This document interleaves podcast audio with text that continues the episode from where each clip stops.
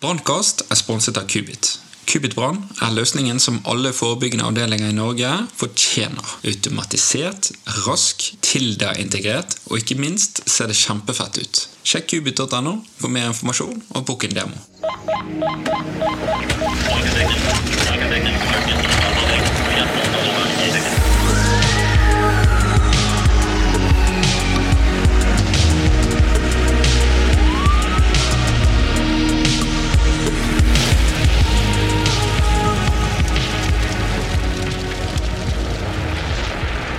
Velkommen tilbake. Og så over til dette her med radioaktivt og nukleært materiell. Eh, dette blir jo et spennende, for jeg har jo ladet opp til denne episoden med Tsjernobyl-serien og filmen. Og jeg eh, syns filmen var ganske dårlig, eh, men serien, den var god. Og dette er ganske nytt for min del. Så hvis vi begynner på det her med radiologiske hendelser, hva er egentlig dette? Nei, radiologiske hendelser er jo så mangt. Men eh, vi har en hel del eh, radiologiske kilder rundt oss. Det være seg i væskeform, da gjerne kanskje på en forskningslab eller på sykehus. Det kan være en kapsla kilde som ser ut som en metallisk kilde. Og alt det her er jo på en måte overskuddsenergi, hvis du kan si det på dårlig norsk. Og vil da ha en viss stråling ut av selve forpakninga. Eh, det kan være seg alfa, beta eller gammastråling. Um, gammastråling går på en måte uendelig langt. Alfa-beta vil du ikke ha internt i kroppen. De går ikke langt i fri luft, men inni kroppen så vil de gjøre stor skade. Vi har deteksjonsutstyr, men uavhengig deteksjonsutstyr eller noen ting, så ønsker vi da å jobbe etter enkle prinsipper, dvs. Si tid, avstand, skjerming. Vi ønsker altså kort eksponeringstid som mulig nærme kilden. Vi ønsker å skape oss så stor avstand som overhodet mulig. For uh, kilden, jo lenger du kommer unna kilden, jo mindre skadelig er kilden for deg. Og skjerming, så vil du da kunne skjerme deg. Kanskje da ved hjelp av blyskjerming. Det er alle færreste som har med seg et blypledd ut. Men du kan bruke omkringliggende bygg, kjøretøy etc. Som du da kan på mange måter komme i uh, som forsinker, eller unnskyld, ikke forsinker, men som minimaliserer skadepotensialet på selve kilden. Uh, det transporteres forholdsvis mye. Det går daglige transporter med radioaktive kilder på sentraløstlandet og ellers i landet. Det meste går i industrien. Det meste går mellom sykehus og forskningslab. Og det aller meste av det som transporteres, er da til medisinsk bruk. Det skal kanskje inn i en allerede syk kropp, med hovedmål om å gjøre vedkommende frisk. Men da blir jo dessverre alt det her må jo merkes ut fra et ADR-regulativ, som da er oransje skilt, som sier noe om at det er en stykkgodstransport. Og så har du da et klasse 7-merke som sier at du har en radioaktiv kilde. Og det skaper jo litt bry for nødetatene, som da kanskje ikke har tilegna seg nok kunnskap for å kunne håndtere en radiologisk hendelse. Men hvis vi da kan gå tilbake igjen og jobbe ut fra tid, og skjerming, så kort eksponeringstid som mulig, kjapt inn, kjapt ut, så kan vi fint redde liv. Og det som transporteres i Norge i dag, er små og svake kilder som ikke kommer til å gjøre noen av oss syke. Det er jo ganske betryggende. Ja, det er jo det. Og så er det jo Jeg vi jo tilbake igjen til det å, å, kjenne eget miljø i eget distrikt. Hva er det vi har rundt oss? Tidligere så var sykehusene utstyrt med store blodstrålingsmaskiner som inneholdt en ganske kraftig radioaktiv kilde. De finnes ikke lenger i dag, men fortsatt så har de radioaktive kilder. Um, vi har jo f.eks. tannlegekontor og helsestasjoner som da har røntgenapparat og Da kan gjerne et spørsmål være hva hvis vi får en brann der? da? Hva hvis jeg brenner inne på et tannlegekontor? Vil vi da sitte igjen med en radioaktiv kilde som skader innsatspersonell inne under røykdykkerinnsats? Og svaret er jo da nei, pga. at den røntgenapparatet driftes av strøm. Og så lenge strømmen er avkobla, så har du ikke noe røntgenstråler der. Jeg nevnte tidligere det med badeanlegg i forbindelse med kjemiske hendelser. Jeg husker jo så godt når jeg gikk til tannlegen som femåring. Da fikk jeg sånn blyskjold og så vidt jeg klarte å puste, men da var hele kroppen dekt med bly. Og tannlegen ble jo borte langt borti gangen. Fortsatt så forsvinner tannlegen ut. Men i dag så har vi ikke noe blyskjold over oss. Det er faktisk ikke noe rundt halsregionen på de aller fleste. Så det er vesentlig mindre farlig i dag på tannlegekontor, men de får de samme røntgenbildene ut av det de ønsker å fotografere. Det er jo liksom, Jeg føler at det er liksom hos tannlegen du møter mest radioaktiv stråling. Ja, og så er det jo litt sånn eh, Hvis du tenker på neste gang du er der, så er det jo en grunn til at tannlegen går ut. Du sitter i stolen, og du får tatt de åtte bildene de skal ta. Men tannlegen skal jo ta mer enn åtte bilder, han skal jo ta 20 pasienter til i løpet av dagen. Og derfor, for å minimalisere eksponeringa, så går han ut av rommet når han da utfører røntgendagen. Ja, det hørtes jo egentlig fornuftig ut, det. Men um, dette her med radiologiske hendelser, altså er det, det er vel ikke så mange av disse her i, til lands? Nei, heldigvis. Og av sterke, eller vesentlig sterke kilder, så finnes jo det aller meste i industrien, som nevnt. Eh, det kan være seg røntgenanalyseinstrument, som da enten måler kvaliteten på eh, et materiale, eller måler en sveiseskjøt, eller måler asfalttjukkelse. De finnes da gjerne ute på byggeplasser, i brakkerigg. Da er kanskje gjerne merka på utsida av objektet. De utfører ingen skadepotensial så lenge kilden er intakt, dvs. Si at kilden er inne i en blybeholder. Men når de skal utføre et stykke arbeid, så da tar de ut kilden, og så får de utført den jobben de skal, nemlig å få tatt de bildene de skal. Og så er det kort eksponering, og så er det inn igjen. igjen. Mm. Så en eventuell hendelse med en større relativ kilde vil jo da sannsynlig kunne være i forbindelse med byggeaktivitet, eventuelt da på industrien som har de store kildene. Det være seg dem som jobber opp imot Nordsjøen, um, ja, oljeindustrien, det være seg større industrier som, uh, som, da har gått til anskaffelse av sånn type utstyr. Mm.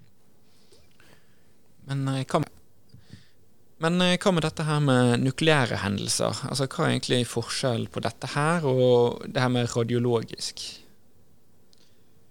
Ja, det er jo eh, De som jobber innenfor eh, fagfeltet, så er jo, det er ikke en sånn klar definisjon som, som jobber etter, men det er jo lik arbeidsmetodikk. Det som, som jeg jobba etter tidligere, er jo at en R-hendelse er jo stråling eller utslipp av eh, ioniserende materiale. Eh, kilder på avveie eller hendelser med kilder. Mens da en hendelse er jo da hendelse ved reaktorer eller eh, kjernevåpen, kjernefysiske våpen. Sånn størrelsesmessig så er jo radiologiske hendelser er det vi ofte Eller er jo de hendelser vi kom borti. Og da nukleære hendelser er av større omfang. Mm. Ja. Eh, spennende. Noen av dere som har sett den HBO-serien eh, Tsjernobyl? Den er bra, vet du. Ja? ja. Terningkast? Det er jo en uh, fem og en halv. Fem og en halv? Stor enighet rundt det? Jeg kan skrive under på fem og en halv, altså. Ja. ja. ja. ja. Prata med eh, DSA, tidligere Statens strålevern, og de var litt enige, dem òg. Det er klart at de har tatt seg noen kunstneriske friheter for å kunne lage en, en serie og en TV-serie som er spiselig for folk flest. Men det som er fascinerende, syns jeg, er jo det at de har klart å vise egentlig skadepotensialet. Det er én ting. For det som er spesielt med radiologiske hendelser, er jo det at det her er helt usynlig. Det er på en måte ikke noe synlig forurensning i det hele tatt. Du klarer ikke å se det, men du blir sjuk over tid. Ja. Og det har de jo faktisk klart å fått til i den serien, syns jeg er ganske bra. Jeg syns det er utrolig spennende, i hvert fall når de satt i rettssal og han viste liksom, illustrerte hvordan det skulle gå gale. da. Det, det syns jeg var tøft. da. Nå husker ikke jeg alt det, da, så jeg skal ikke gå ut på det, ut på det. men det var i hvert fall veldig spennende. Skulle du si noe? Nei. Nei, Nei jeg er enig med, med terningkast fem og en halv. Litt vanskelig å få til det terningkastet, men eh, Ja, det er på høykant. Det er på høykant. Vi skal ikke starte en sånn filmanmeldelsespodkast òg, da? Eller? Jo, absolutt. Er lettere, det. Ja. Så alle de ser bare ned i filmen som er laga? ja, ja, ja. Outbreak. Ja. Men eh, altså, i og med at nå er jo ikke det så mye av dette her i Norge, ja, både radiologiske og nukleære så hendelser, da. Men hva gjør vi hvis vi har dette ute på dette uhellet? Det er jo å bruke de samme prinsippene, og spesielt tid-avstand-skjerming. Det er jo Deteksjon er jo, på, er jo litt annet, lettere. Eh, spesielt på deteksjon er lettere på, på radiologiske hendelser. Eh, men det er jo ikke alle som har måleapparater til å kunne håndtere det. Mm. Eh, noen opererer da med måleapparat med avstand, eh, sånn at du kan skape deg avstanden når du detekterer. Men det har jo vært noen utrykninger til ulike transportmottakssenter. Eh, der det har sett ut som det er en lekkasje, men det kan være lekkasje fra emballasjen. Det kan være bare stått i en eh, vannpøl, eh, og så er det vått på pappen. Men kilden er jo ikke eksponert. Mm. Den er intakt. Ja, så er det viktig å tenke, tenke enkelt. Um, ikke, for å, ikke, for å, bagatellisere eller gjøre ting altfor enkelt, men det, det, er viktig å gjøre det håndterbart. Og jeg tenker det at eh, av alle transportene som i dag går med radioaktive kilder, så er vi nødt til å ha en forståelse fordi at eh, sjåføren av transporten har ikke brukt en kranarm for å frakte den forpakninga inn i eh, i bagasjerommet på den eh, Renault Kangooen han sitter i. Han har faktisk tatt pakken under armen, satt den der, eventuelt da spent den fast med jekkestroppe bak, sånn at den skal tåle en eventuell kollisjon. Um, og hvis da vedkommende er veldig uheldig og kommer ut for ei trafikkulykke, så er det også veldig håndterbart å bistå han med medisinsk behandling. Uh, der må vi ikke bli handlingslamma bare pga. merkinga på bil men heller da kjenne til at vi kan beskytte oss mer enn godt nok, med spesielt da bruk av fullstendig åndedrettsvern, hvis vi er usikre. Uh, er det en intakt kilde som ikke er ødelagt på noen som helst måte? Det vet vi jo ikke noen ting om. Men hvis kjøretøyet ikke har fått kollisjon i bakre del av eh, transporten, så vil jeg jo anse den som ganske trygg. Og Da er det pasienten som da kanskje ikke har frie luftveier, som har det største problemet. Um, vi må også tenke at den strålinga som vedkommende blir utsatt for mens han transporterer denne transporten, er da minimal. Så i forhold til vår innsatstid her for å få ut pasienten og for å sette i gang livreddende behandling, er ikke noe problem på mange måter å gjøre veldig trygt. Men hele tida forholde oss til eh, enkle tiltak sånn som tid, avstand, skjerming, som vi har eh, snakka litt om. Ja. Så er jo de som eh, transporterer eh, klasse 7, de, det krever jo da et eget kurs som gjør at de skal ha noe mer kompetanse. Og det er ikke vilkårlig hvem som transporterer heller.